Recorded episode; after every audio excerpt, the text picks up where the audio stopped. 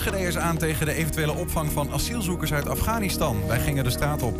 Een kanon van Hengelo is er nog steeds niet. Daarom maakte leraar André Tilara er zelf een voor zijn leerlingen. In coronatijd vielen alle koren stil, maar Michiel Butterhof zette in Enschede juist een nieuw popkoor op. En een klok van 4000 kilogram komt vanuit Spanje naar Oldenzaal. Bijrier Hielke Banning is dol enthousiast. Het is vrijdag 27 augustus. Dit is 120 vandaag.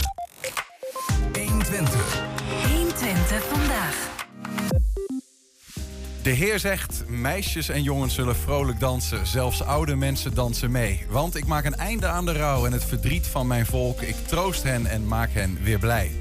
Staat in eh, Jeremia 31, vers 13. Nu minister Hugo de Jonge van Volksgezondheid de hoop heeft uitgesproken dat alle maatregelen binnenkort van tafel kunnen, vinden Enschedeze geloofsgemeenschappen het tijd om stil te staan bij anderhalf jaar corona. Dat doen ze deze zondag in een speciale herdenkingsdienst. En een van de initiatiefnemers is dominee Alex Brinkman van de Bettelkerk. Alex, welkom. Dankjewel. Een herdenkingsdienst voor COVID-19. Ja. Uh, wat, wat moeten we ons daarbij precies bij voorstellen? Uh, wat we ons bij moeten voorstellen, het is eigenlijk uh, terugblikken op wat ons de afgelopen anderhalf jaar allemaal is overkomen. Wij doen eigenlijk veel meer dan alleen stilstaan bij de mensen die zijn overleden. Want maar corona heeft ons allemaal op de een of andere manier geraakt. Mensen die er ziek aan zijn geworden, maar ook in één keer dat we allemaal, nou ja, blijf thuis. Dus je kon geen kant op. Het was echt alsof je terug in je eigen huis werd geduwd en, en al je hele, het hele openbare leven kwam stil te liggen. Nou, dan hebben we het natuurlijk nog over de mensen die uh, ook financieel heel hard zijn geraakt. Mm -hmm. En uh, ook de, wat, je, wat je nu heel erg ziet, de zorgmedewerkers. Ja, die die burn-out klachten, Um, het niet meer zien zitten om verder te gaan als verpleegkundige of IC-verpleegkundige. En daarom willen wij stilstaan uh, bij corona en ook vooruitkijken. Uh, omdat het iets is dat we. Het is een gedeelde ervaring. Mm -hmm. Nou, nou is herdenken soms iets wat, wat je doet als iets uh, achter de rug is, mm -hmm. zeg maar. Ja. zit hier dan ook een soort van impliciete um, nou ja, verwachting in dat het ook iets is wat passé is en dat we nu naar een nieuwe toekomst toe gaan? Nou, ik denk niet dat het op dit moment passé is. Uh, toen wij begonnen dit in, uh, in mei dit te, te, organiseren, toen sprak Hugo de Jonge de hoop uit dat we 1 september de maatregelen konden loslaten. Is helaas niet zo gebleven, uh, gebleken. We wisten toen nog niet dat de Delta-variant zo hard zou gaan. We wisten niet dat, dat, dat dansen met Jansen dat dat toch zo'n zo'n zo'n uit, uitwerking had gehad. Mm -hmm. Maar uh, wij denken wel degelijk dat uh, uh, er toch iets in, het, iets, iets in de toekomst zit. Hm. Kijk, de, de tekst die jij zojuist aanhaalde uit de Bijbel, en dat is dus ook de tekst waar we zondag in de kerk mee aan de slag gaan, die, daar zit ook achter het geloof dat God dingen zal omkeren en dat het ook weer de goede kant op zal gaan. En juist die hoop, die van boven komt, die willen we benadrukken. En daarmee willen we de mensen eigenlijk een, een hart onder de riem steken. Ja. Is die hoop op zichzelf al heel belangrijk? Of moet die hoop dan ook uh, ingelost worden? Of uh, zeg maar, want uiteindelijk zijn er ook sceptici die zeggen: Nou ja, goed, dit najaar moeten we nog maar even afwachten. Mm -hmm, mm -hmm. Ja. ja, het is. Ik wou dat het zo uh, was geweest dat met één vingerknip dat alles was opgelost. Dat is natuurlijk niet zo. Kijk, we moeten ons realiseren dat het een dal is waar je langzaam uit moet klimmen. Maar uh, uh, wij denken dat, dat, dat God daar wel degelijk in, in werkt en een aandeel in heeft. En als ik even een klein stukje verder mag lezen met van, die, van, van wat, jij, wat jij zojuist benoemd hebt. Hè? Ik heb hier dan een Bijbel voor mij liggen. En daar staat in diezelfde passage ook. Rachel beweent haar tranen, beweent haar zonen. Zij wil niet worden getroost, want haar kinderen zijn er niet meer. Maar dit zegt de Heer, hel niet langer, droog je tranen, je zorg voor hen wordt nu beloond. Wat het eigenlijk laat zien, uh, is dat uh, uh, terugblikken en feestvieren niet losstaat van rouwen. En dat het zomaar kan zijn dat jij heel opgelucht bent, maar dat de persoon naast jou wel heel veel verdriet heeft. Dat dan wel bijvoorbeeld de gevolgen van zo'n COVID-infectie ja, met zich meedraagt. Dus de dienst moet ook een soort van bewustwording zijn van de tweedeling die dat heeft gebracht. En dat we, ook, dat we naar elkaar omzien. Wij willen vooral dat die tweedeling. Uh, ik zou het zo mooi vinden als die, als die kloof wordt gedicht. Overigens, als deze um, hoop hè, hier geprofiteerd wordt. en mm -hmm. uh, uh, als je daarvan uitgaat. Ja. Um, is er dan ook een profetie geweest die um, dit zwarte gat wat achter ons ligt. of misschien waar we in zitten, heeft geprofiteerd? Zeg maar. is, is daar, zijn daar ook uitspraken over geweest? Ja, dat is eh, dat is maar net hoe je het wil interpreteren. Uh, weet je, er zijn, er zijn christenen die zeggen van ja, het staat in de Bijbel dat er ziekte en ongeluk en, en dergelijke zullen komen. Uh, zelf ben ik een beetje uh, huiverig om dat zeg maar zo, zo, zo rechtstreeks zo te projecteren, zo'n Mhm. tekst. Mhm. Ja, maar, wat, wat, is- maar wat moeten wij dan als, als, als mens, zeg maar, Ja. met zo'n periode en alles Ja. wat dat meebrengt? Eh, wat, wat, als, als dominee, hoe kijk je daarnaar? Wat moeten we hier nou mee? Wat kunnen we hier dan, wat kunnen we hier voor positiefs uittrekken, mogelijk? Of is het gewoon, kan het soms ook gewoon het leven gitzwart zijn, zonder positieve... het leven kan, ja, eerlijk gezegd, het leven kan ook heel weer gitzwart zijn. Kijk, wat het, wat het, wat het volgens mij heel duidelijk maakt, is dat het leven niet maakbaar is. Dat is het tot een bepaalde hoogte. Maar er zijn altijd factoren van buiten die, die het zomaar anders kunnen maken. En ja, dat, dat, dat zie je in de Bijbel gebeuren. Eh, oorlog, geweld, honger. En dat zijn helaas eh, eh, ziektes. En dat zijn dus helaas ook, ook dingen die we nog steeds, ja, 2000 jaar later nog steeds eh, eh, zo nu en dan mee geconfronteerd worden. Dat is van alle tijden. Dat is iets van alle tijden. Hoe, Ja. hoe kan een, een, die herdenkingsdienst, eh, zoals het zondag... Is het een herdenkingsdienst, kan ik het zo noemen? Ja, we hebben het. Ja, ja, dus, zo ja want we hebben, ons, we hebben ons websiteje ook genoemd. Herdenkingcovid.nl. Dus ja, herdenkingsdienst. Herdenkingcovid.nl. Dat klinkt bijna alsof je er een soort van concept hebt gemaakt... wat andere kerken in Nederland mogelijk ook kunnen overnemen. of Ja, we hebben, we hebben geprobeerd om het ook gewoon landelijk te brengen. Dus de, de, de, Protestantse Kerk van Nederland die heeft het ook eh, eh, meegenomen in hun berichtgeving op de website. Mhm. En eh, de uitnodiging was ook richting eigenlijk alle kerkgenootschappen in Nederland van als je wilt, vier mee. Ja, het, het is nu in, in de in huidige vorm vooral een, een, een lokaal project. Dus Mhm. Enschede en omstreken. Maar ja, wie weet heeft iemand het in Noord-Holland opgepikt. En eh, gaat hij aanstaande zondag op zijn eigen manier eh, meevieren. Hoe kan, hoe kan zo'n zo'n zo'n dienst dan meehelpen? Eh, hoe kan het ons helpen? Op welke manier? Wij willen eigenlijk vooral troost brengen. Troost dat, dat, dat, dat wat, wat jou is overkomen, dat dat, dat, het- dat, dat het, ja, het, het, ik wil niet zeggen dat het een doel heeft, maar ik wil wel zeggen dat, dat ook God juist in de eh, moeilijke momenten van het leven ermee, eh, eh, er iets mee wil. Hij kan wat verkeerd is gegaan, dat kan niet ten goede keren. En als we het met z'n allen zo gaan beleven, het is eigenlijk een initiatief van de stad, maar ook voor de stad, dan eh, hoop ik dat we ook elkaar in de ogen kunnen kijken en kunnen zien van die herkenning van hé, hey, dit hebben wij samen doorgemaakt. Dus het ook het troost vinden bij elkaar. En hoe ziet het er dan praktisch uit in zo'n dienst? Hoe, hoe krijgt die vorm?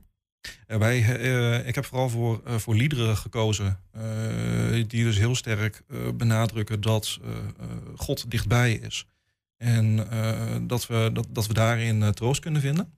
En na de eh, preek zullen we ook eh, stilstaan eh, bij eh, ja, de verschillende groepen mensen die geraakt zijn. En voor elke groep een kaars ombranden. En dat is dan hopelijk een, een, een, een, eh, moment waarbij jij dus even eh, datgene wat er, eh, waar jij zo last van hebt, waar je moeite mee hebt, wat in je hart leeft, dat, dat, dat je dat op dat moment eventjes los kan laten. Moeten we er daarvoor eh, bij zijn? Of is dat iets wat je, als jullie een kaars voor iemand ontbrandt die daar niet bij is, is dat dan ook oké? Want, is, eh, want je, eh, hoe breng je nou die boodschap uiteindelijk bij mensen? Of Ja. moeten die mensen bij in de kerk komen om dat zo te krijgen? Nou, wa- wat, wat, eh, laat ik zo zeggen, we hebben het in feite in de organisatie vrijgelaten aan elke, eh, eh, aan elke kerkelijke gemeente op zijn eigen manier in te vullen.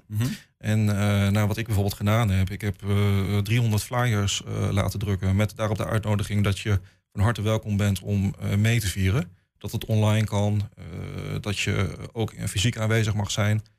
En s smiddags gooi ik de deuren van de kerk open. Dus, dus buurtgenoten die kunnen ook komen ja, om een kaarsje te branden, voor een moment stilte, misschien voor een luisterend oor, waar ze op dat moment behoefte aan hebben. Nou, die flyers die heb ik gewoon rondgebe eh, die heb ik, ja, die, die zijn bezorgd in de straten rondom de kerk. Dus op die manier hopen wij dat het ook een, eh, eh, hoop ik dat het ook iets is dat voor de wijk. Heb je, heb je zelf voorbeelden? Want je bent predikant in, in die, in die Bethelkerk. Mhm. Voor, echt concrete voorbeelden uit de kerk van hoe corona impact heeft gehad in mensenlevens? Nou, ik ben heel blij dat, we, dat er dit jaar geen mensen aan COVID zijn overleden. Eh, niet hier in de gemeente. Dus daar ben ik echt heel blij mee. Want we hebben wel een besmettingencluster gehad. In de Bethelkerk. Ja, Ja. ja. ja, ja. Overigens niet in de kerkdienst gebeurd, maar ja, in het contact daaromheen. En toch bleken er acht mensen, waarvan één iemand met een longziekte besmet te zijn. Ja, dan zit je hem toch echt wel even te knijpen. Maar wat ik vooral eh, merk, is dat zo'n gemeenschap onder druk komt te staan. Normaal gesproken, kijk, een kerk is natuurlijk ook een sociaal gebeuren. En als je daar met 150, 160 mensen op een zondagochtend zit, dan spreek je elkaar na de dienst, je houdt contact met elkaar. Nou ja, er is onlangs bijvoorbeeld iemand eh, eh, overleden. Overigens een hele andere ziekte, maar ja, vervolgens kwam er een week later een vrouw in tranen bij mij en zegt van ja, Ik heb er gewoon het afgelopen eh, anderhalf jaar amper meer gesproken en gezien en nu is ze er niet meer. Ook dat is het verdriet dat corona gebracht heeft. Mensen die in die tijd ook niet aan corona zijn overleden of wat dan ook, maar die mensen heel lang niet meer hebben gezien. Je loopt het risico elkaar uit het oog te raken. Ja. En dat gebeurt niet alleen aan de kerk, dat gebeurt denk ik ook net zo goed bij je sportvereniging, eh, bij school. Komt iedereen nog bij jullie? Nee. Nu, nu dat het weer open is? Nee, nee, helaas niet. Eh, ik eh, kon, kan er ook, ja, ik werk pas een half jaar in Enschede en ik Hmm. kan daardoor ook moeilijk de vinger erachter leggen van hoe dat komt. Ik denk dat het voor een deel komt doordat mensen bijvoorbeeld nog angstig zijn. Ehm, en in sommige gevallen misschien eh, eh, ja, toch bang zijn om besmet te raken. Eh, maar wat je landelijk gezien ook hoort, is dat het, eh, veel mensen dat daardoor afhaken. Ja, dus er zijn wat becijferingen hier en daar dat, het, dat, dat een kerkelijke gemeenschap zomaar 20% kan krimpen. Mensen de gewoonte zijn ontwend. Ja, ja. Want ja, kijk, mensen die, laten we zeggen, 60, 70 zijn en een hele leven in een kerk hebben gezeten. Ja, dat, is, dat, dat zit er zo ingesleten. Die, eh, daar ben ik niet zo ontzettend bang voor. Eh, maar eh, het is, het is, je hebt op afstand heb je gewoon die verbinding niet meer. Ik, als ik een vrije zondag heb, en, dan, dan kijk ik, probeer ik ook vanuit huis te kijken. Mhm. Ik heb veel minder die beleving. Ja. Ehm, ik heb net het idee dat ik dan in contact sta met God. En ik heb ook nog thuis een peuter van drie rondlopen. Nou ja, dan kun je een preek echt niet volgen hoor. Tot slot, ehm, even terug naar die herdenkingsdienst. Aankomende zondag Ja. eh, in de Bethelkerk. Maar Onder stel nou, andere. eh, eh, onder andere nog Onder meer andere. plekken? Nou, je kondigt het zo aan dat het iets van alleen de kerk is. Dat ga ik even nuanceren. Het is wel vanuit, eh, um, ik heb het wel met een paar collega-predikanten opgezet. Maar vandaag is de aftrap gegeven in de twee Turkse moskeeën aan de Ledenboorstraat en aan de Atjeestraat. Morgen doet de Joodse gemeenschap in de synagoge van Lochem mee. En op het risico dat ik onvolledig ben, want er zullen vast nog wel meer mensen meedoen. eh, u bent aanstaande zondag ook welkom in de protestantse gemeente van Enschede aan de Warwick-singel. De katholieke kerken gaan daar aandacht aan besteden, evenals het apostolisch geloof, geloof, geloofgenootschap. eh, de christelijke gereformeerde kerk, de gereformeerde kerken vrijgemaakt. En dan de Bethelkerk in Veldkamp. Dat zijn er een heleboel. Dat zijn er een hele hoop. En dan eh, voor de eigen buurt, dus voor de mensen uit Patmos, Getvert, Horstlanden en het Velkamp, aanstaande zondagmiddag ook van harte welkom om een kaarsje te branden voor de stilte of voor een luisterend oor. Duidelijk. Nog één keer die website. Herdenkingcovid.nl. Alex Brinkman, dank voor de komst. Hartelijk dank, heren. Terwijl alle koren eh, zo goed als stil vielen in de coronatijd, werd in Enschede juist een nieuw popkoor geboren. Hoe dat zit, dat hoor je zo. Ja, we zijn ook als eh, podcast te luisteren via alle bekende platforms. Daar vind je eh, nou ja, van elke uitzending één item uitgelicht. En ook de hele uitzending. 120. 120 vandaag. Ook deze week gingen we de straat op eh, met een nieuwe stelling met deze week. Hoe kijken Enschede'ers aan tegen de eventuele opvang van asielzoekers uit Afghanistan? Nu de Taliban Afghanistan grotendeels hebben ingenomen, slaan veel Afghanen op de vlucht. De evacuaties naar Nederland zijn gisteren abrupt stopgezet, waardoor in Overijssel op dit moment geen opvang nodig lijkt. Maar dat kan binnenkort zomaar weer veranderen. Daarom gaan wij de wijk in met de stelling: Enschede moet Afghaanse vluchtelingen opvangen. Nou, waarom niet? Ja. Ja, goed idee. Ja, doe maar. Ja? Ja, ja. Doe maar. ja. ik weet het, ik weet het ook niet. Ja, waarom niet? Nou, dat, eh, dat moet. Ja, maar voor mij maakt het niet uit. Ik vind van wel. Ja? Die mensen hebben het al moeilijk genoeg eh, op dit moment. Dus. En we hebben hier nog genoeg te bieden. Dus ik vind dat we daar niet eh, ja, moeilijk over gaan doen. Maar moet dat dan hier? Waarom niet? Alleen niet hier. Ik denk de rest van Europa ook. Maar dan moet het wel, eh, wel eh, gecheckt worden, en gescand worden, weet ik wat, dat soort dingen. Dus De mensen die je binnenhaalt moeten goed gescand worden. dat denk ik ook, hè. Het is hier, het is hier ook verder gewoon goed. eh. dus ik snap wel dat mensen misschien tegen zijn. En dat ze denken dat ze misschien een plek wordt ingenomen. Maar zo moet je niet zien. Je moet het meer zien als een verrijking, vind ik zelf. Nou, ik denk dat je hier gewoon een aantal plaatsen beschikbaar moet stellen. En eh, dat meerdere gemeenten dat gewoon moeten doen. En, en hoeveel plaatsen zit er dan te denken? Ja, dat is een hele goeie. Gewoon eh, heel Afghanistan hier naartoe halen als het nodig is. Nee, dat niet. Dat niet. Ja, binnen de capaciteiten, ja. Vang die mensen op en, en bepaal dan of, het, of, het, of, ze, of je zoiets inderdaad prettig ik- vindt of ik, niet. ik heb nog niet de indruk dat ze al onmiddellijk weten waar. Maar dat, dat er wel in ieder geval eh, eh, de verwachting is dat er panden zijn die daarvoor eh, eh, gebruikt kunnen worden. Ik denk, eh, een klein beetje een sociale houding is natuurlijk wel belangrijk. Ik denk dat dat geven natuurlijk altijd eh naar vol gaat. Uh, andere mensen te helpen, dat eh, doe je- maak je als land alleen maar een beter land. Het eh, gaat je, eh, laat je niet slecht lijken of zo. Daar bedoel ik het meer. Gewoon doen. Ja. ja. 120. 120 vandaag. Ja, waar koren in de coronatijd massaal kwamen stil te liggen... is Michiel Butterhof juist het popkoor Topvocals begonnen in Enschede. Vanwege corona moesten ze na een paar repetities alweer stoppen. Gisteren was het zover en dan konden ze de repetities weer oppakken. We gaan erover praten met de, de koorleider. Michiel, welkom. Dankjewel. Is het trouwens Butterhof of Buterhof? Want ik zag af en toe omlaut. Er zit een omloop bovenop, ja. Hoe zeg, je, hoe zeg je het zelf? Butterhof. Butterhof. Nou, dan gaan we dat ook zo doen. Ehm, Michiel. Ja. In coronatijden een koor beginnen. Wat, wat, wat mankeert je? Ja, gek hè? Ja. Iedereen verklaart je voor gek.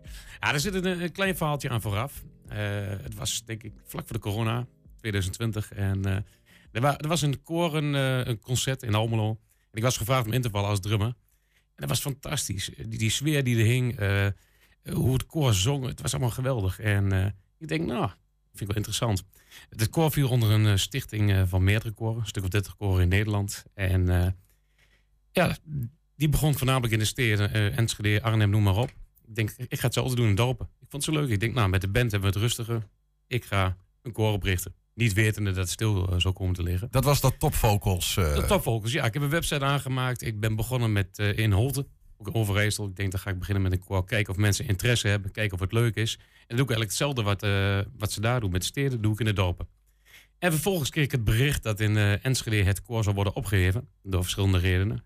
Ik denk, hé, hey, daar moet ik bij wezen. dus eh, direct contact gelegd. eh, omdat ik dat gespeeld had, ik er wat contacten liggen natuurlijk. Ik zeg van, goh, wat jammer. Ik zeg, eh, zullen we doorgaan? Ik zeg, ik ben net begonnen met voor de dorpen. Maar goed, een stad ja, kan er uiteraard ook wel bij. Ik kom zo uit Enschede, dus ik, weet, ik weet wat het koor kan. Dus van harte welkom. Aantal gesprekken gevoerd en we waren er heel snel uit. We, we zouden doorgaan onder een andere naam. Dus het koor bestond al? Het bestond al, ja. Er waren een aantal leden weggegaan. Eh, ik heb een aantal leden weer terug weten te krijgen. Zelfs de dirigent heb ik eh, overtuigd om terug te komen. Ja, ja. En eh, het was eigenlijk al een goede basis die er stond. Wat, wat, wat maak jij er dan nu van? Want het is niet zomaar... Topvocals is een soort van concept. Is een iets concept, bijzonders, toch? ja. Het is niet zomaar een koor. Nee, het is een, een popkoor van moderne popmuziek. Je hebt heel veel koren in Enschede die ook pop zingen, maar dat is vaak ja, wat oudere nummers zijn dat, jaren 70, 80 nummers. En wij hebben echt zoiets, we gaan de moderne muziek zingen. Ik noem eh, een Dua Lipa, eh, ga eens maar door, Mhm. dat soort dingen. En hoe, kom je dan, want hoe komt het dat dat, dat dat weinig gedaan wordt? Moet je zelf de arrangementen schrijven dan bijvoorbeeld? Nee, nee ik schrijf niet zelf, eh, ik, eh, ik koop de arrangementen. Over het algemeen, ja, mensen zingen niet modern. Mensen, de, de koren zijn gewend om een ABBA te zingen, een, een Beatles, noem maar op. Dat kom je overal tegen. Mhm. En juist dit maakt het anders. En heel veel mensen vinden het leuk om te doen, maar er is geen plek om daarvoor te zingen. En die is er nu, is er nu wel, ja zeker. nu wel. Overigens, ehm, misschien kennen mensen jouw gezicht. Denken ze van, ken je de jongen toch van? Je drumt ook bij bekende band, de Euros. Dat klopt, ja, zeker. Is dat koorleiden iets wat je al langer erbij doet? Het is heel, heel anders. Ja, het is heel anders. Ik dirigeer zelf niet. Hè. Ik, eh, ik, heb, ik, ik zoek puur de muziek uit. Ik doe de administratie, allemaal dat soort dingetjes. En eh, ik heb vroeger wel voor een koor gestaan. Ik ben wel dirigent geweest van een kinderkoor en van een, eh, van een mannenkoor in Holten. Maar ik had ook niet meer de ambitie om dat weer op te pakken. Ja. ja. Maar je bent nu wel gewoon aan de zijlijn betrokken, omdat je het mooi vindt. Ja, ik ben gisteravond ook op de repetitie geweest. En wanneer ik tijd heb, eh, kom ik zeker langs. En ik vind het leuk om iets, iets op te bouwen. Om, eh, je hebt een doelstelling met zo'n koor. Je wil dat zo'n koor gaat presteren. Dat ze meer gaan doen aan festivals. Dat ze zich overal laten zien. En dat, dat je ziet dat het groeit. En eh, ja, als je dat doel kunt halen, dat is natuurlijk fantastisch. Maar hoe, hoe hebben jullie dit nu gedaan tijdens lockdown dan? Is er... Ja, wij zijn eh, vorig jaar begonnen. Eh, twee, drie repeti- repetities hebben we gehad. En ja, toen werd er vrij snel duidelijk van, eh, wij kunnen niks meer. En gelukkig hebben wij een hele enthousiaste dirigent, Peter Lupke uit Weerselo. En die, die heeft alles op alles gezet om toch wekelijks met het koor bezig te zijn. Er zijn een aantal leden afgevallen die niet online worden meezingen. Maar er was toch een groepje zegt van, god, dat gaan we proberen. En onze dirigent heeft zich helemaal... ja, het lablazers is ge- gewerkt, moet ik zeggen. Die heeft een eigen eh, studiootje boven. En die heeft allemaal nieuwe apparatuur aangeschaft. Gekeken hoe de vertraging uit de verbinding kon worden gehaald. Hoe de geluid beter werd. En hij had het op een gegeven moment echt gewoon voor elkaar. Dat mensen thuis zonder vertraging met elkaar konden zingen. Dat meen je niet? Ja, dat is echt helemaal te gek.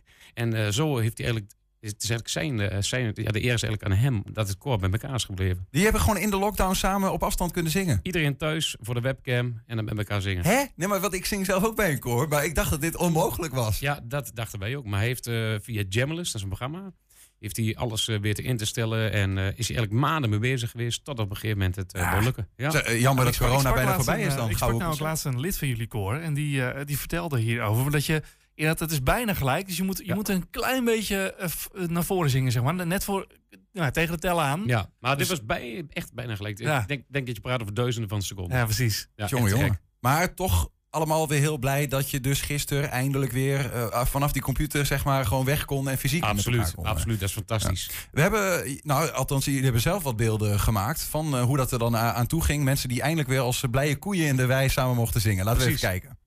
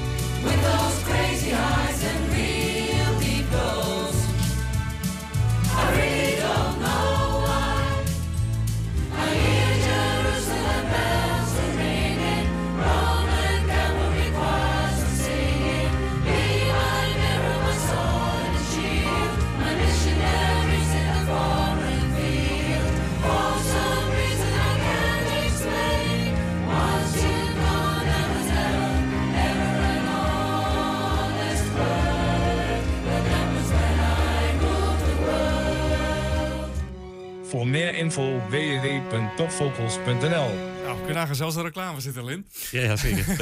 Vandaag. ik, eh, nou, heel modern repertoire, dat is heel duidelijk. Ik, het valt me wel op, veel vrouwen. Ja, heel veel vrouwen. Ja. Ik eh, geloof dat we gisteren met eh 45 vrouwen waren. Zo, en, en, en hoeveel mannen? Vijf. Dus er moet nog wat gebeuren. Ja, de mannen hebben het zwaar. Zeker weten. Ja. Heb, heb je dan voor deze opnames ook eh, een extra microfoontje bij de mannen gezet? Nou, ik, het was wel gecompliceerd om het een beetje goed te krijgen. Maar de mannen moesten inderdaad wat harder erin gemixt worden. Uiteraard. En, eh, maar goed, live eh, hebben ze gewoon zwaar. Moeten ze tegen die vrouwen Maar opboksen. hoe kan dit nou, Michiel? Hoe kan het nou dat het bij elk koor wat je ziet, nou bijna elk koor, dat er bijna geen enkele man mee Ja, zingt? geen idee. Ik, ik durf je niet te zeggen. Zo bij mannenkoren, ja, dat weet je zelf. Mannen onder elkaar. Ik denk dat dat een beetje is. Ik denk dat ze toch een beetje bang zijn voor de vrouwen.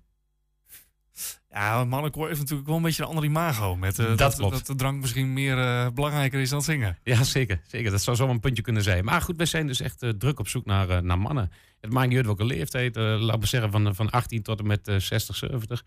Als ze maar lekker eh, willen zingen, enthousiast zijn. Hoe druk ben je er dan mee? Op dit moment nog heel druk, want je zit in de opstartende fase. Maar op een gegeven moment, eh, ja, na een tijdje zal het wel iets minder druk worden. Want als, het repertoire is nu inmiddels bekend, er zijn nummers aangeschaft. De dirigent weet wat hij moet doen. Eh, er zijn nog een aantal leden die zich momenteel aanmelden en proefzingen. Maar op een gegeven moment, als het eenmaal loopt, dan, ja, dan word je hier minder druk mee natuurlijk. Ja, ja. Je hebt ook een plannen voor een kinderkoor nog, hè? Dat klopt, ja. Zeker. Je, je, je bent on fire wat dat betreft. Ja, is, dat, absoluut. is dat hetzelfde soort idee? Of, eh? Hetzelfde soort idee, alleen met, eh, met kinderliedjes. Eh, K3, Kinder voor Kinderen. Eh, ik ga beginnen volgende week met flyer op de basisschool in Enschede. Ik heb een dirigent gevonden uit Hengelo die dat heel graag zou willen doen.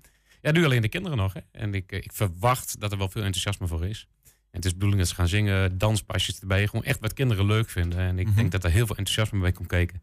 Even nog heel even terug, hè, want wat je ziet net die beelden, je ziet het enthousiasme. Wat heb jij gevoeld daar van mensen die überhaupt weer samen in een groep samenkomen, maar dan ook nog eens samen zingen? Ik kan me voorstellen dat dat bijna magisch is. Ja, het is gewoon euforisch. Echt euforisch. Eh, mensen kwamen al eh, heel vroeg aan. Ze hadden echt de zin in. Goh, we kunnen weer samen zingen. Iedereen was blij, eh, happy. Ja, wat moet ik ervan zeggen? Dat gevoel is eh, heel bijzonder. Maar dit zijn, eh, het is een hele fanatieke groep in Enschede. Eh, ja, die gaan van elkaar door het vuur, laten we het zo zeggen. Wanneer kunnen je- jullie voor het eerst eh, zien, zeg maar, in volle glorie? Zien Ja, dat is lastig, hè? Dat is lastig om te zeggen. Eh, er staan voor de rest nog geen optredens gepland. We gaan eerst weer eh, veel repeteren. Maar wat wel belangrijk is, eh, 17 juli volgend jaar. Dat is zondag 17 juli. Dan organiseren wij een korenfestival in Losser. Het Topvocals eh Korenfestival. Er zullen andere koren ook optreden naast de koor van Topvocals. En dat zal echt, eh, ja, dat zal een topmiddag worden. Hoe is dat eigenlijk met boekingen? Want, want eh, dat, ja, op, ik neem ook aan dat boekers een beetje sch- schaars zijn. Want ja, die weten ook niet wanneer hun festivals of eh, het buurthuis waar je misschien zou willen zingen, wanneer die jullie überhaupt kunnen boeken. Want wanneer mag het? Wat mag überhaupt? Ja, dat is moeilijk. Hè? Op zich, wij werken als koor niet met een, met een boeker natuurlijk. Maar eh, als je dan gewoon in de rest van de entertainmentbranche kijkt, bij de boekers, ja, die, die weten niet waar ze aan toe zijn. Die zijn continu aan het verplaatsen, want dan mag iets wel weer, dan mag iets niet weer. Eh, als de dingen gebeuren, vaak op korte termijn, echt een aantal dagen van tevoren. En ja, het wordt vast wel beter in de toekomst. Maar, waar, eh, waar treden jullie dan als koor, eh, zeg maar, waar zou Po- Top Vocals dan optreden op de- dit soort... eh korenfestivals, eh, braderieën, markten eh, in, in steden, noem het maar op. Ja, precies. Ja. Maar ook dat is nog een beetje afwachten allemaal. Dat is afwachten. Ik weet zeker dat het gaat komen, maar eh, ja, wanneer, dat is de vraag. Hè?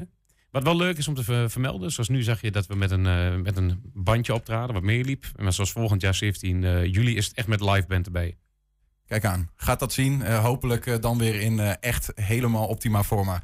Michiel Butterhoff, dank voor je komst en eh, voor een mooi nieuw koor in Enschede. Ja, jullie ook bedankt hè. Straks een klok van 4000 kilogram komt vanuit Spanje naar Oldenzaal. En bijendier Hielke Banning die is daar dol enthousiast over. Ja, en heb je een tip voor de redactie, meld het dan even. Mail naar info.120.nl 120. 1. 120 vandaag. Terwijl een hengeloze kanon maar niet van de grond komt... is André Gilara va- alvast eh, begonnen met een eigen, eigen hengeloze kanon... voor gebruik in de klas. De leraar aan de Anningsschool eh, legt daarin eh, de verbinding... tussen de Nederlandse geschiedenis en die van Hengelo. Hij is bij ons, hij heeft een tasje meegenomen... is hij nu nog even aan het uitpakken. André, welkom. Wat heb je allemaal meegebracht? Ja, ik heb weer wat concreet materiaal meegenomen. Oh, dat is heel goed, hè? Aanschouwelijk onderwijs. Ja, Eh, zeker. je moet zeker. Een beetje, ja, je moet het een eh, beetje laten zien, het spul. nou hè? ja, we hebben Dus, daarvoor eh, voor jou eens een camera's. Maar als je iets wil laten zien, dan vlak voor je hier. Dit, dit, Oh, daar, zwarte ja. dingetje. Dan Ja. kun je dat gerust laten zien. Hey, even te beginnen, André, bij, bij je achternaam, hè? Gilara. Waar, waar komt dat vandaan? Ja, Gilara is het Gilara. Gilara. Ja, Gilara is... eh, iedereen denkt dat het... Italiaans. ja, Klinkt ja, het? heel goed. Ja. Eh, iedereen denkt dat het Italiaans is of Spaans of Frans. Maar het is Pools. Ah. Hey. Hey dat is heel wat anders, hè, natuurlijk. Ja, ja, precies, ja. Ja, mijn, mijn vader die is eh, eigenlijk eh, eh, hier gekomen eigenlijk door, door de Tweede Wereldoorlog. En zo zijn we langzamerhand ja, eigenlijk ontstaan. En dat kwam door de textielindustrie. Daar is hij gaan werken. Ja. Hier in Enschede. Hij was een van de Poolse textielarbeiders. Ja. Ja, Je woont overigens in, in Enschede, toch? Hoezo ben je, je zo druk bezig met een kanon van Hengelo dan? Nou ja, ik, zit in, ik, ik werk nu al 32 jaar in Hengelo. Dus, ehm, en eh, natuurlijk ken ik de Enschedeze geschiedenis, maar de Hengeloze geschiedenis, die is ook gewoon super interessant.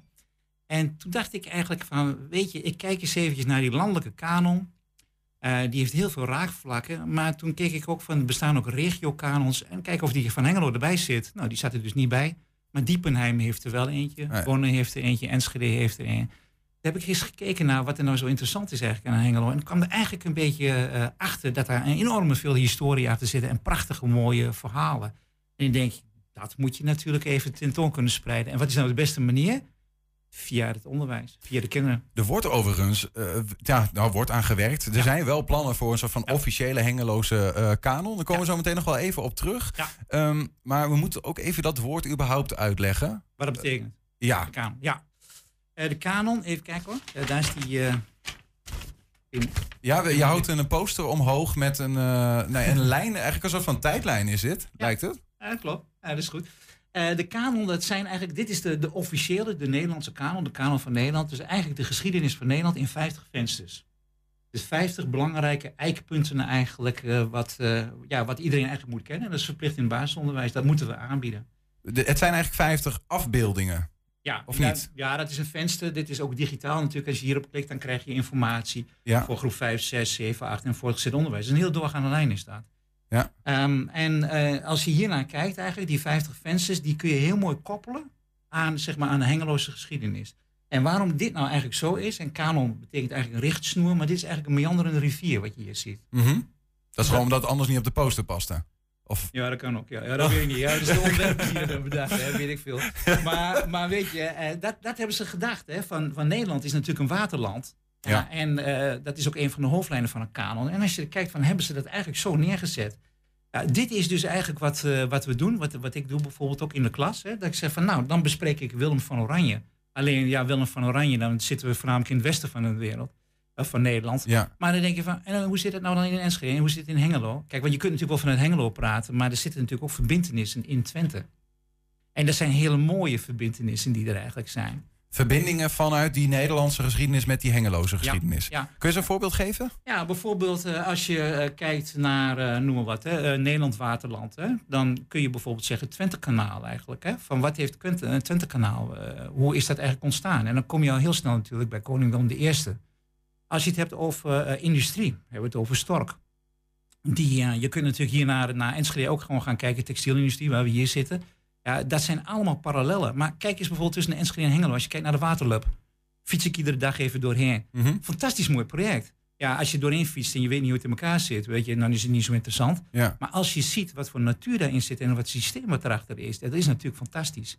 Als je kijkt naar de beken eigenlijk, hè, want de Hengelo is ontstaan natuurlijk eigenlijk door de beken. Als je daar kijkt, dat gaat naar het laagste punt. Daar is Huis Hengelo gemaakt. En Huis Hengelo, ja, dat is het allereerste begin eigenlijk van, van Hengelo. En dan kom je op een gegeven moment ook van een bepaalde familie die daar heeft eh, gewoond. Dat is de Ripperda familie. Nou ja, en dan zie je, als je hier kijkt naar Enschede, dan zie je op een gegeven moment dat die straat er ook is. En de verbintenis van Ripperda na bijvoorbeeld de 80-jarige oorlog, Willem van Oranje, einde van de 80-jarige oorlog, was hij één van de mannen die het Vrede van Münster heeft ondertekend. Ja, ja. van de zeven. En dan vraag je op een gegeven moment, goh ja, en nog meer van die boekjes. Ja, hier staat bijvoorbeeld zo'n foto dan in en die zie je ook in Huis Hengelo. Niks Dat is er zomaar, zeg maar. Nee joh, dat is Was, was. Twente er überhaupt geweest als er hier geen water, niet zoveel water was? Zeg maar zoals het er nu is. Ja, het is eigenlijk, kijk, het is, hier, hier zit je eigenlijk een beetje op zo'n stuurwal. Hè? Dus als ik bijvoorbeeld even kijk naar Hengelo, dan zit je op een stuurwal en dan zit je in een stukje geologie. En dat betekent dat water gaat altijd naar de laagste plek. Mhm. En daar gaan mensen wonen.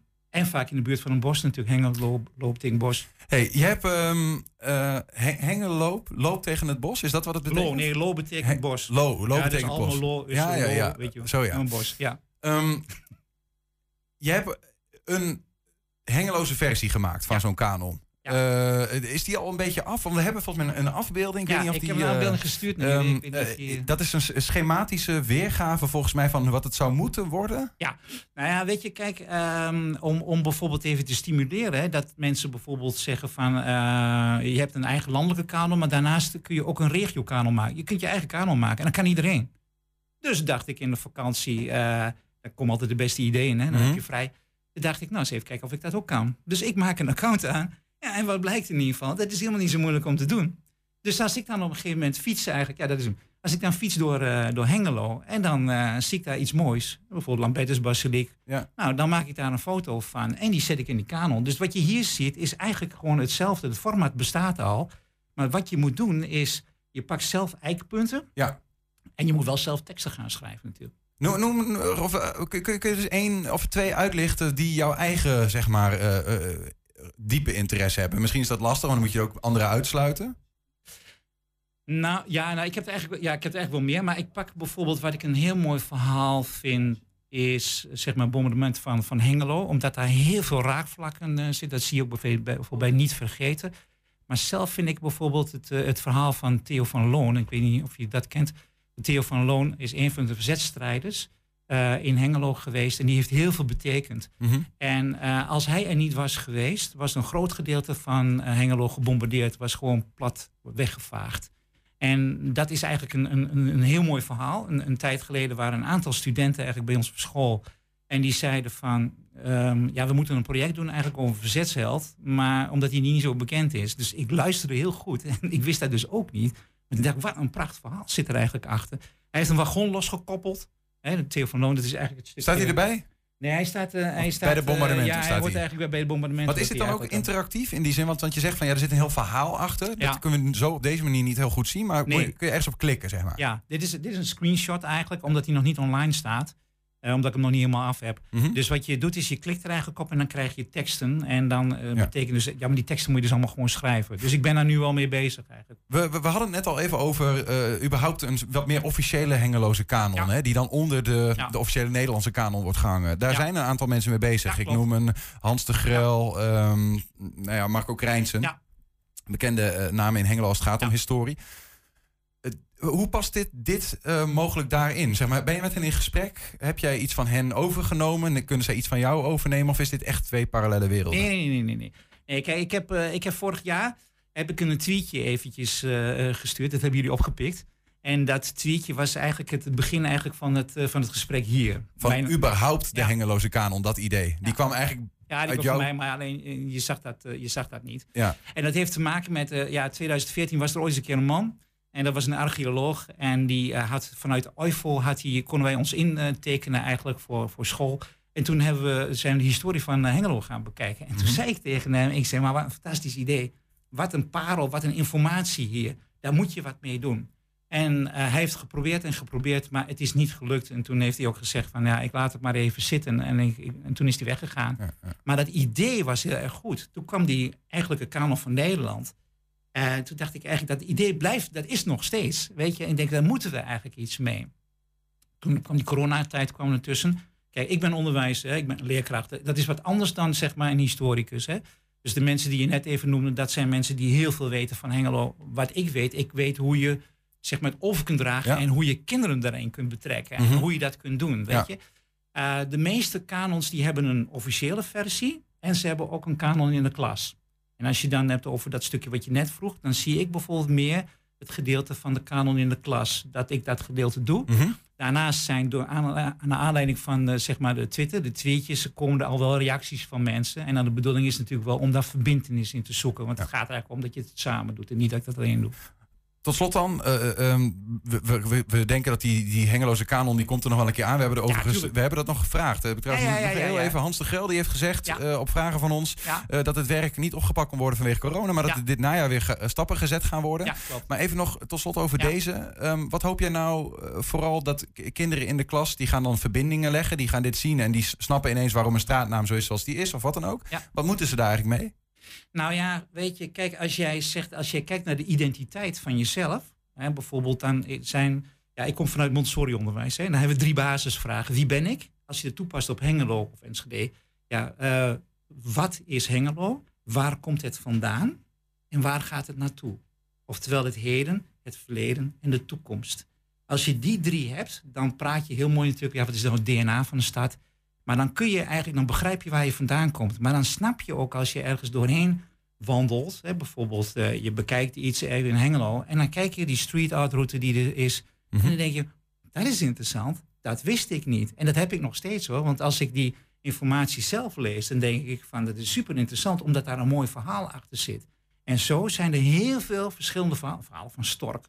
Fantastisch natuurlijk wat je allemaal hebt. Hè. Er zijn zoveel verschillende verhalen. En ik hoop dat je, ja, Montessori heeft gezegd, door het kind naar een nieuwe wereld. Ik hoop dat als je kinderen enthousiasmeert, dat ze dan automatisch dan ook respect krijgen op een stukje Twente. Maar ik denk ook aan streektaalcultuur. Het zou mooi zijn dat we ook Twents even erbij eh, pakken. De Wiesneus is bijvoorbeeld ook zo'n blad. Mhm, weet je wel, mhm. dat je, dat je Ja. Twents erbij pakt, maar ook Bekend, muziek. maakt, bemind en, eh Ja, en laten zo we verder. trots zijn op een stukje Twente. ja, ja. Weet je, Gaan we deze ook zelf online kunnen zien als we ook geen leerling van je zijn? Dat we, Natuurlijk, ja, maar het is gewoon openbaar. Ja. Ja. Nou, eh, komt dat zien als het, eh, als het af is? Ja. André Gilara, dank voor de komst. Dank voor, eh, voor de uiteenzetting voor zo korte tijd was om de hele geschiedenis daarin samen te niet, vatten. niet. Dankjewel. Graag gedaan. Straks kijken we met Ron Jans vooruit naar de wedstrijd van FC Twente tegen Cambuur. 120. 120 vandaag. Een bijzondere operatie in Oldenzaal binnenkort. Een eh, 4000 kilogram zware luidklok wordt vanuit Spanje naar de Plegelmus-basiliek gebracht. Daar wordt hij als 49ste luidklok toegevoegd aan het carillon. Het is de allereerste Spaanse klok in zijn soort die in Nederland komt te hangen. Over de enorme operatie praten we met eh, de Sint Plegelmus-basiliek bijaardier Hilke Banning. Hilke, goedemiddag. Ja, goedemiddag. Ja, het, het klinkt als iets bijzonders voor een eh, gewoon mens als ik, maar is dit ook bijzonder voor een bijaardier als jij? Nee, absoluut, absoluut. Want ik bedoel, eh, ten eerste zijn er al niet, zulke, niet, zo, niet zo heel veel zulke grote klokken. Hè. De meeste Enschede en Almelo en zo, die hebben allemaal in Hengelo hebben niet zulke grote klokken. Ehm, dus dat is al heel bijzonder. Maar überhaupt dat er nog zulke grote klokken gegoten worden is ook, is ook iets bijzonders. De klok is er gisteren op, eh, op een vrachtwagen gezet en is nu onderweg Oh. naar eh, Nederland. Ergens in Frankrijk waarschijnlijk nu. We hebben nog een foto van hem, Hielke, ehm, van toen, toen jij nog, ik denk dat het in Spanje was, want je bent hier met, met de klokkengieter zelf, Abel Portilla. Dat, j- j- jij bent zeg maar de, de, de man op rechts. Ehm, ja, wa- wat, wat maakt nou deze klok zo bijzonder?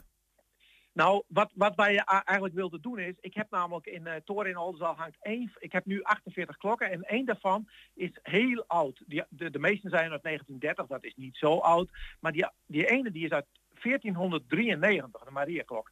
En dat is nu de grootste klok in de toren. En die is dus in de middeleeuwen gegoten. En omdat deze nieuwe klok, die wordt één toon lager dan de Mariaklok, wilden wij graag dat die ongeveer hetzelfde timbre zou krijgen. Op dezelfde manier zou klinken. Want dat is natuurlijk het beste als die straks samen eh, in de toren klinken. En dus hebben wij gezocht naar een klokkengieter die nog verstand had van hoe deden ze dat eigenlijk in de middeleeuwen? Want dat gebeurde op die manier, dat gebeurde toen heel anders dan nu. Productieprocessen zijn allemaal een beetje geoptimaliseerd en het moet sneller en goedkoper en dat soort dingen. En wij wilden dus echt proberen een klok na te maken, of tenminste zo goed mogelijk te benaderen zoals het destijds in de middeleeuwen is gebeurd. En eh, nou ja, in Nederland kunnen ze dat niet. En toen zijn we in Europa gaan zoeken naar andere klokkengieters. En toen zijn we bij deze klokkengieter Abel Portilla uitgekomen. En het grappige is dat die man die had ook nog een, een, een droom, een soort wens dat hij ooit nog eens een flinke klok wil maken. Hij heeft in zijn leven wel 3000 klokken gemaakt, maar nog nooit zo'n grote. Dus Zo. voor hem was het ook iets bijzonders dat dit nou toevallig samenkwam, snap je? Ja, dus dit wordt, het wordt heel interessant. hè, Of je nou zometeen ook matcht eh, met die andere klok. ja, dat, ja, dat is best nog wel spannend. Heel Ja, dissonant straks. Ja, want ik, ik zat me dat eens af te vragen. Verandert, eh, verandert de klank van een klok eh, door de jaren heen? Dus, eh, dus verandert er wat aan het metaal of wat dan ook, waardoor die misschien doffer wordt? Of... Nee, in principe niet. Maar in de, er zijn wel klokken uit, de, uit, uit 1650 en zo die gehangen hebben in torens waar veel industrie omheen zat. En dan kreeg je zwaveldioxide en dat soort luchtvervuiling. Die klokken die hebben daar wel last van gehad. Die zijn aangetast en die raken daardoor ontstemd.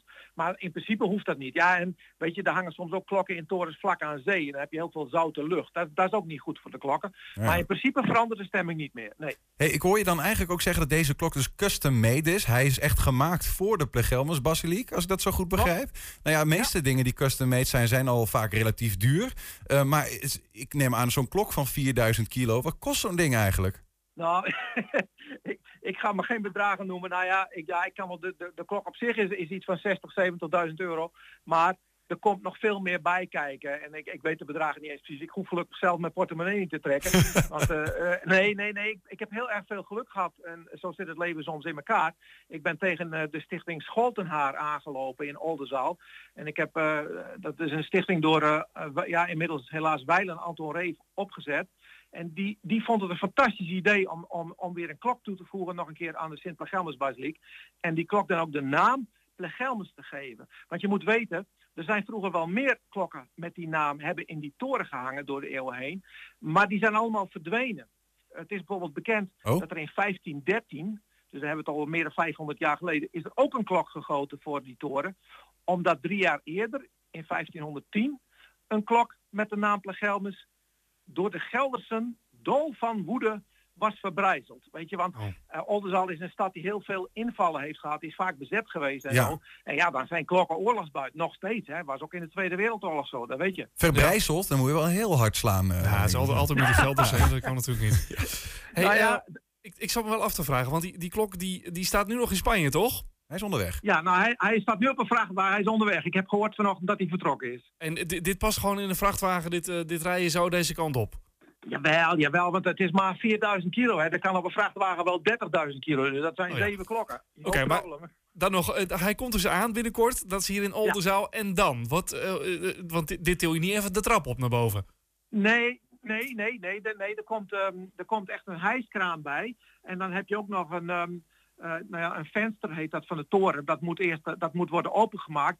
En in zo'n venster hangen altijd eh, galmborden of regenborden. Nou goed, die zijn er vrij gemakkelijk uit te tillen. Maar er zit ook nog een eh, montant in. Dat is een soort, denk maar aan een middenstijl in een, in een raam. En die montant is van stenen. En die, moet, die stenen moeten stuk voor stuk er eerst uit verwijderd worden. En dat gaat door een, eh, door een Duits bedrijf gebeuren. Want het gaat om zandsteen en dat is allemaal heel eh, precair met monumentenzorg en weet ik wat allemaal. Ja. Dus die stenen moeten er eerst uit en dan is de opening breed genoeg. De klok past net. Ik had ook niet een grotere klok willen, moeten willen hebben, want dan hadden we een probleem gehad. Is dat ook de reden dat je naar Spanje bent gegaan? Want, want überhaupt, hè, je zou kunnen zeggen, ik bestel die klok hè, bij eh, meneer, eh, hoe heet hij ook alweer? De meneer uit Spanje. Meneer Abel Portilla. En ik zie gewoon wanneer die wordt bezorgd. Hè, zoals Ja. eh, je dat bij bol.com kunt doen. Maar je bent echt even Ja. die kant opgegaan. Waarom ben je het, heb je, of heb je het even tegen aangetikt om te kijken van, is het wel echt wat ik nodig heb? Nee, nee, nee. Ja, nou, ik, ik kan je vertellen dat we inderdaad eerst ook een proefklok door hem hebben laten gieten. Om te kijken van, als we dit nou doen, hè, wat komt er dan uit? Wat is dan het resultaat? En dat was een kleine klok van een eh, 70 centimeter hoog, 150 kilo. En maar dat, dat was zo goed dat we zeiden, nou, dit gaan, dit gaan we gewoon doen. En ik ben er ook, eh, ik heb het al misschien eerder verteld op de radio, dat weet ik niet meer. Maar ik ben er ook bij geweest dat die gegoten wordt. Ja, dat is toch een soort geboorte van een, eh, van een bijzonder object. En wat ik zeg ook altijd tegen de mensen, die Maria-klok, die nu de grootste is, die hangt er al 500 jaar. Dus stel dat, dit, dat deze klok net zo goed is van kwaliteit, dan, dan zou die ook 500 jaar of ouder kunnen worden. Dan is toch een fantastische gedachte eh, dat je daarbij bent bij dat moment. En dat die nu aan de toren toegevoegd kan worden. En ik zeg ook altijd tegen de mensen van, je moet je voorstellen dat al die generaties Oldenzaals hebben ook nu die ene klok gehoord die er al 500 jaar hangt. Weet je, ehm, een klok is iets ja, wat toch langer meegaat en het heeft net wat meer dan een gebouw, zeg ik altijd. Een gebouw, dat, dat- Deze gaat nog eens een half millennium klok mee. hoor je ook. Hè? Ja, ja, ja. Die, eh, want je, je zei net al, eigenlijk best wel treffend van een, de klok heeft eigenlijk een soort van geboorte gehad. Eh, Moet hij ook gedoopt worden dan? Of hoe, hoe gaat zoiets? Moet hij wat? Moet hij? Ge- Gedoopt worden of gezegend? Of, of Oh, gedoopt. Ja, ja, ja dat, dat, dat is een goede. Ja, dat klopt. Het is, eh, kijk, niet, klokken krijgen niet altijd de naam hoor. Maar als het echt grote klokken tre- betreft wel, Plegelmus. En juist omdat het nu Plegelmus is, hè, het is de vierde klok die de naam Plegelmus eh, krijgt. Hè. Die, die drie eerdere die bestaan niet meer. Dus ehm, ehm, een week later, 19 september, dan is de bedoeling dat tijdens een eh, plechtige Eucharistieviering dat kardinaal Wim Eijk uit Utrecht naar Oldenzaal komt om de klok te wijden of te zegenen, zeggen ze ook wel. Ja, het is een goede traditie uit de, uit de katholieke kerk en ik vind dat heel leuk. Dat wouden we graag deze keer ook doen. Ja, dat is spannend. Hey Hielke, we komen binnenkort langs om eens even te horen of hij, eh, of hij goed eh, matcht met eh, de rest van de klokken. Ja, en de, de, klok die wordt dus 12 september binnengehaald hè, met een optocht vanaf het station eh, op een platte wagen met drie paarden ervoor is de bedoeling. En eh vergezeld van muziekkorpsen en nog wat koetsen en we maken er een hele happening van. En dan wel hopen dat hij op die platte kar blijft staan. Dan krijg je een heel apart eh, fenomeen. Het geluid wat er vanaf komt. Eh, Nou, er wordt over nagedacht, dus ik ga ervan uit dat dat goed gaat. vanaf 19 oktober hangt hij in de Plegelmus eh, Basiliek. Is althans de bedoeling, hè? Ja, Ja. ja. klopt. Ja, We gaan het allemaal meemaken. Hilke Banning, dank voor je enthousiaste uitleg. heel graag gedaan. 120. 120 vandaag. Seizoen eh, in de Eredivisie is eh, twee speelrondes op weg. En eh, FC Twente stapte twee keer met een heel verschillend gevoel van het veld. Het zuur na de nederlaag bij Fortuna werd vorige week weggepoetst met een gelijkspel in de kraker tegen Ajax. En morgenavond staat de ploeg van trainer Ron Jans een heet avondje te wachten in Leeuwarden bij promovendus Cambuur. Dat hoort erbij. Ja. Kun je zeggen, dat is ook heel verfrissend. Nee, dat, dat, dat is ook zo. En eh, ja, voor het veld is het ook altijd prima. Nou, ehm, de kop is er echt wel af. Twee wedstrijden nu gespeeld. En dat is misschien ook wel een beetje het mooie eh, soms aan de voetballerij. Hoe opportunistisch het kan zijn. Hoe de vlag erbij hangt naar wedstrijd 1. En, en hoe anders de wereld dan weer is naar wedstrijd 2. Is de waarheid dan ergens een beetje in het midden waar jullie nu staan? Hoe vind jij dat? Ja, vind ik het veel te vroeg om, eh, om te zeggen. Ik heb wel gezegd van, ehm, ja, we, we kunnen best eh, me- meer dan tevreden zijn over de eh, prestatie. zeker ehm, hoe we eh, mentaal en, en eh, qua beleving, maar ook eh, verdedigend hoe we hebben gespeeld. Maar dan moet je dat een vervolg geven. Ajax is niet een op zich staande wedstrijd. Die speelt een hele competitie. En we gaan naar hoofdstuk 3. En dat is Cambuur uit. En dat wordt een pittig potje. en dan moet je diezelfde instelling opbrengen. En ja, we vinden dat we eigenlijk wel een aardig elftal hebben. Of een aardige selectie, nog beter. Maar dan moet je het ook laten zien. En ja, dat is morgen. ja, Cambuur zal denk ik ook punten willen pakken. Je zegt al, pittig potje. Ja, waar zit hem dat vooral in eh, als je daar op bezoek gaat? Nou, ik heb al heel vaak bij Cambuur eh, gespeeld. En, en, eh, als trainer en als speler. Ehm, het, het is gewoon, het hele sfeertje, het is heel compact. Eh, je- ze zitten er bovenop. eh, en je speelt in een ploeg die dus met de steun van het publiek al jarenlang, ehm, vind ik, heel goed georganiseerd eh, speelt. Met Henk de Jong als echt iemand die een, een team een team kan maken. En, en ik denk dat Sander van Heijden een hele belangrijke rol speelde in het tactische gedeelte. En dat, en dat zie je al terug, dat ze dat al een hele, heel aantal jaren eh, doen. Dus een eh, ingespeelde ploeg met ook heel veel spelers van vorig jaar. Ehm, dus, dat is de kwaliteit van, van Cambuur. Maar wij denken dat we ons daar prima mee moeten en kunnen meten.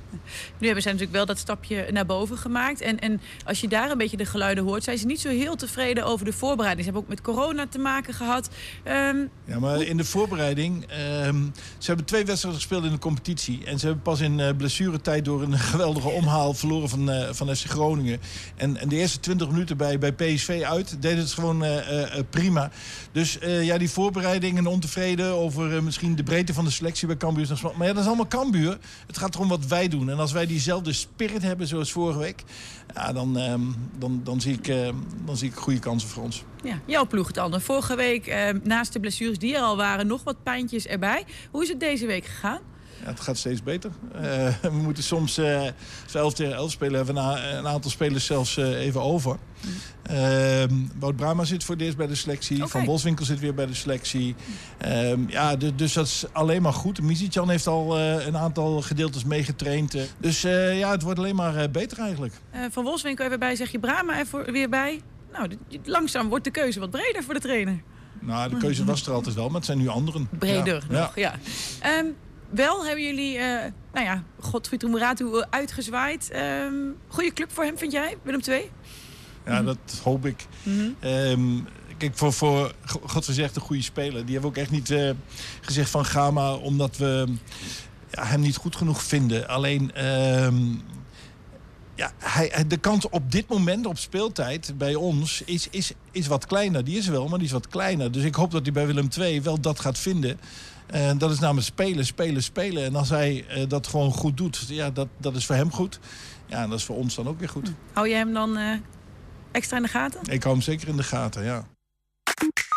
Zometeen eh, de afsluitende column van Bart Peter Zweem. 120. 120 vandaag. Voor studenten zit de vakantie er vanaf maandag echt weer op. Dan gaat het mbo en het hoger onderwijs weer van start. Ja, om goed voorbereid aan hun studie te beginnen... werden VMBO-leerlingen aan het ROC van Twente de afgelopen week alvast bijgespijkerd in de vakken rekenen, wiskunde, scheikunde of Nederlands. Het is eh, de derde achtereenvolgende jaar dat ROC van Twente de zomerschool aanbiedt. Aan de telefoon is coördinator Joris Poffers. Goedemiddag. Goedemiddag. Goed eh, gevoel over de afgelopen week? Ja, heel erg goed gevoel eh, over afgelopen week. Ja, ja, dus weer mooi gelukt voor dit jaar. Wa- wanneer is zoiets gelukt? Eh, zoiets is gelukt als eh, studenten aangeven dat ze wat geleerd hebben. Dat de afsluitende toetsen dat ook aangeven dat ze wat geleerd hebben. En dat docenten ook tevreden zijn. Over zo'n zo, zo'n weekje zomerschool. Ho- Voor wie is het dan, dit, soort, dit soort lessen? Nou, de, de lessen voor de zomerschool zijn voornamelijk voor nieuwe studenten binnen ROC Twente die van het VMBO-kader komen. En eigenlijk wat bijgespijkerd moet er worden in eh, ja, scheikunde, wiskunde, rekenen en Nederlands. Zijn dat te veel? Eh daar waren er dit jaar 76. Eh, Ja, da- dat is een absoluut getal. Hoeveel procent van de nieuwe leerlingen is dat? Ja, eh poeh. ja, we hebben 22.000 studenten. Hmm, dat zijn niet allemaal nieuwe studenten. ja. Ik weet ook niet precies wat de nieuwe instroom is, eh, de absolute aantallen. Maar we hadden dit jaar 76 studenten voor de, voor de zomerschool. En als je het verge- vergelijkt met andere jaren dan, want het is natuurlijk het coronajaar geweest. Hè? Dus je- we hebben veel gehoord dat de studenten, nou, ja, dat het onderwijs niet altijd lekker was voor studenten, vooral op afstand. Ik kan me voorstellen dat het er een stuk meer waren dan voorgaande jaren. Eh, ja, die verwachting had ik ook, maar het tegendeel is waar. Eh, vorig jaar hadden we meer studenten dan dit jaar. Oh. En misschien kan het ermee te maken hebben dat, eh, ja, dat het inderdaad een raar jaar is geweest. Dat eh, studenten echt extra willen genieten van eh, zes weken zomervakantie. Ehm, aan de andere kant, ik had eigenlijk verwacht van, nou, ze hebben veel online les gehad en ze hebben ook wel weer behoefte aan fysieke les Ja. en extra, extra begeleiding. Maar dat bleek helaas niet zo te zijn. Oké, want het is wel een vrijwillige keuze om mee te doen. Het is niet zo dat jullie zeggen van, hé, je moet gewoon dit niveau hebben. Dat heb je nu niet. Dus je moet aan die zomerschool meedoen en anders kun je bijvoorbeeld niet instappen. Nee, nee, dat is, eh, nee, dat is niet aan de orde. Nee, nee. Het is inderdaad eh, vrijblijvend. Eh, het wordt bij de intakegesprekken wordt dat wel aangegeven van ehm, misschien is het handig dat je deelneemt aan de zomerschool, dat je met voldoende bagage aan een nieuwe opleiding kunt beginnen. Want anders begin je met de achterstand. Ja, dat is geen goed begin. Maar het is een weekje niet wat aan de krappe kant om bij het scholen. Want ik kan me voorstellen als je weinig wiskunde gehad hebt bijvoorbeeld. Dat een, ja, je kan in een week maar een beperkte hoeveelheid bijleren. Ja, klopt, inderdaad. Want eh, het is inderdaad een, stoomcursus. Eh, studenten zijn een week op school, maar als je ziet wat, eh, wat er behandeld is. vandaag heb ik nog een student gesproken van rekenen en wiskunde. Die had op goniometrie bij het VMBO-examen alles fout. En heeft nou alle opgaves goed op het gebied van goniometrie. Dat zijn wel succeservaringen die studenten dan opdoen. Het zijn kleine onderdelen van het vak wiskunde. Maar eh, ze geven wel aan van ja, ik beheers het nu wel. Dus ik heb wel wat geleerd. Hoe kan dat dan? Daarnaast, eh, is, is er extra motivatie als ze aan die zomerschool meedoen of zo? Of zijn jullie leraren gewoon veel beter? Eh, ja, de, binnen ROC van Twente hebben we natuurlijk vaardige docenten. Ehm, het, het is natuurlijk ook dat het kleine groepjes zijn binnen de zomerschool. Het zijn geen volle klassen van eh, 24 studenten. Mhm. Kleine groepjes, dus er is de mogelijkheid voor veel begeleiding. Maar ook extra instructie. Dat, ja, dat werkt gewoon hartstikke goed. Is is er een rode draad te zien in de, in de soort van de heikele punten waar leerlingen vooral tegenaan lopen in de aanloop naar het mbo? Ehm, ja, bedoel je dan vakspecifiek? Of, eh, Nou ja, misschien ook wel, ook wel gekeken naar, naar de meerdere vakken. Zeg maar, dat, waar, op welk vak zit het bijvoorbeeld vooral vast? Of op welk onderdeel? Waar, waar, waar hebben mensen moeite mee, de, de leerlingen? Nou, als je ziet, eh, eh, ja, ehm, algebra bijvoorbeeld, met variabelen werken. Goniometrie, dus eh, meten en meetkunde, dus eh, de stelling van Pythagoras. Eh, dan heb ik het specifiek over rekenen en wiskunde. Maar op het gebied van Nederlands, dat hebben we echt ingestoken op begrijpend lezen. Want begrijpend lezen, ja, dat moet je bij elk vak kunnen. Maar als je in een boek leest, theorie leest, dan moet je wel weten wat je leest. En dat is waar we bij het vak Nederlands veel aandacht aan hebben besteed. En bij scheikunde, ja, periodiek systeem der elementen. Ehm, en reactievergelijkingen, dat soort dingen. Een succes, hoor ik je aan het begin zeggen. Dus ik neem aan eh, volgend jaar een herhaling van die zomerschool. Ja, volgend jaar is sowieso een herhaling. We gaan ook kijken of we het uit kunnen breiden met andere vakken. Eh, want ik heb ook al begrepen van een aantal opleidingen dat misschien ook Duits, dat het daar, eh, ehm, ja, dat dat misschien ook een onderdeel zou kunnen zijn van de zomerschool. Engels. Ehm, dus daar gaan we wel eventjes een, een, een kort behoefteonderzoekje aan, aan binnen de opleiding afnemen. Of daar ook echt daadwerkelijk behoefte aan is. Juist, ja. Wordt vervolgd En de dus. docenten zijn er wel. Dus, ehm, Hartelijk dank voor, eh, voor de uitleg. Joris Poffers en eh, op naar een nieuwe schooljaar. Dank u wel. 120. 120 vandaag. Ja, dan is het eh, tijd voor de afsluiting van eh, dit programma. Dat doen we met onze columnist. Oh, hij is er wel. Kijk, hij komt al eh, hij komt binnen. Ja. Bart Peter Zweem, hallo. Waar is de tijd gebleven dat ik werd opgehaald? Dat er een mooi ontvangstcomiteetje, die zei Bart, je kan niet naartoe. En dat hij dan mooi, de stoel werd klaargezet en het bureautje afgedweld of Ik zo. zou even vertellen Nee. dat, dat dat comiteetje zie ik links zitten. Alleen Ja, die zijn de druk met de andere gasten in gesprek aan het napraten. Ik voel me, ik voel me totaal eh, niet op de eerste plek staan. Nou, jullie Comiteetje is druk aan het filosoferen, zie ik. Dat, Ja, is, eh, nee, dat ja, zit ergens in gedachten. Maar het is nieuw jaar, nieuwe werkwijze, Bart. En een slecht begin. nou, dat is het. Nee, alles goed, heren. Fijn dat je in ieder geval dat je nog in leven... Want ik was even bang, zeg ik tegen Bart, Bart Peter Zweem. Je weet het niet, hè, wat er met je, in, eh, met je is gebeurd in de vakantie. Nou, dat weet hij wel. Ik zou zeggen, ik ben hem gisteren heb je nog een paar- tegengekomen. ja, toevallig. precies. Maar, eh, ja. Dus ik weet niet, het had, had na, die, na die middag nog iets gebeurd kunnen zijn, maar het, nee, Waar het gaat dit nog nou over? Hey, ik krijg net een telefoontje, de nieuwslezer wil zo beginnen. Oh. maar kunnen we, kunnen we- dit kunnen we niet laten hangen. Jij moet dit heel even duiden. Wat is nou, hier dat is heel simpel. Ik zie Evert wel vaker. Ook buiten de uitzendingen om hebben Ja. wij wel eens contact. En ik, kwam, ik was aan het wandelen op het, eh, op de Hulsbeek. Mhm. En dan was hij aan het werk. Dus toen heb ik even naar hem gezwaaid. Oké, ook dacht dat je bijna dood was of zo. Dat Nee, is zo'n soort... eh, Nee, maar het is meer van... Jij, denkt, hij, jij zegt van... Je had in de vakantie wel dood kunnen Ja, zijn. Nou, ja. dat- die- in die vakantie, dat was... Hij weet dat dat in de vakantie dat allemaal goed is gekomen. Ik ben wel naar Zeeland geweest, maar ben niet verdronken. Nou, heel goed. Nou, fijn dat je terug bent in ieder geval, Bart. Kunnen we het nog heel lang over hebben. Maar ja, die nieuwslezer die moet, eh, die moet zo... Nou, Absoluut, absoluut. Ik hoor hem in mijn oortje. Hij zegt eh, opschieten met die Bart. Nee, doe je ding, Bart. We zijn heel benieuwd naar je column. Beste luisteraar, daar zijn we weer. Terug van de vakantie. Hoe gaat het met u? Of anders gezegd, bent u oké? Want de slogan ben je oké, die kom ik dus overal tegen. Op borden langs de weg, Ben je oké? Bij de urinoirs in de bioscoop. Ben je oké? Ben je oké? Dat ik me ook af ga vragen. Ben ik wel oké? Waarom vragen ze dat? Zie ik er slecht uit? Ik ben wel wat moe. Zou het corona zijn? Maar ik ben gevaccineerd. Zou het de vaccinatie zijn? Hebben de wappies misschien gelijk? Ben ik wel oké? Ademen Bart. Rustig, want wat blijkt? Dat Ben je oké is een campagne van de Rutgers Stichting of Rutgers. Een campagne tegen ongewenst seksueel gedrag. Het idee is dat mocht je iemand tegen een muur gedrukt zien met andermans tong in hun keel, dat je dan even moet vragen: ben je oké? Dat is moeilijk antwoorden met een extra tong in je mond, maar toch, vraag het die mensen even. Ik weet alleen niet zeker aan wie je het moet vragen, aan de vermeend slachtoffer of aan de dader. Ja, want je vraagt niet, gaat het oké, maar ben je oké? Alsof het een identiteitsding is. Ben jij wel oké? Waarop baseer jij de acties in jouw leven? Dat is een rare vraag, zeker toen ik die stelde aan die tegen de muur staande tongende dronkenlap. Hij draait zich om en kijkt me raar aan.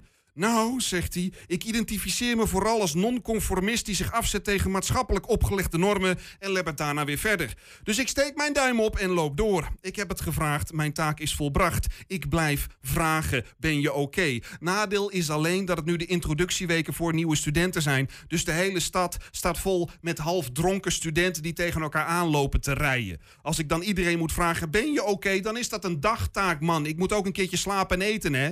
Vroeger kon je zo'n groep studenten herkennen omdat ze bij elkaar staan. Maar door de coronamaatregelen heb je overal van die loslopende studenten. En daar ben ik dan heel druk mee. Zo vroeg ik laatst een student die naar een vrouw aan het roepen was: Ben je oké? Waarop hij antwoordde: Nee, natuurlijk niet. Er was onze Summer of Love beloofd, maar eigenlijk kon ik nog steeds niks. Mijn bezoekje aan de Espevelli was ook niet zo'n succes. Dus ik ben weer aangewezen op Tinder, maar dat lukt ook niet. En ik durf dat ook helemaal niet om het daar openlijk over te hebben met leeftijdsgenoten. Ik heb vertrouwensissues om me publiekelijk, publiekelijk kwetsbaar op te stellen. Ik voel me eigenlijk gewoon kut, maar er is geen plek in de geestelijke gezondheidszorg, dus het is allemaal een drama. Dus ik steek mijn duim op en loop weer door. Ik heb het gevraagd, dus mijn taak is volbracht. Maar ik vermoed wel een kleine zwakke plek in die hele Rutgers-campagne.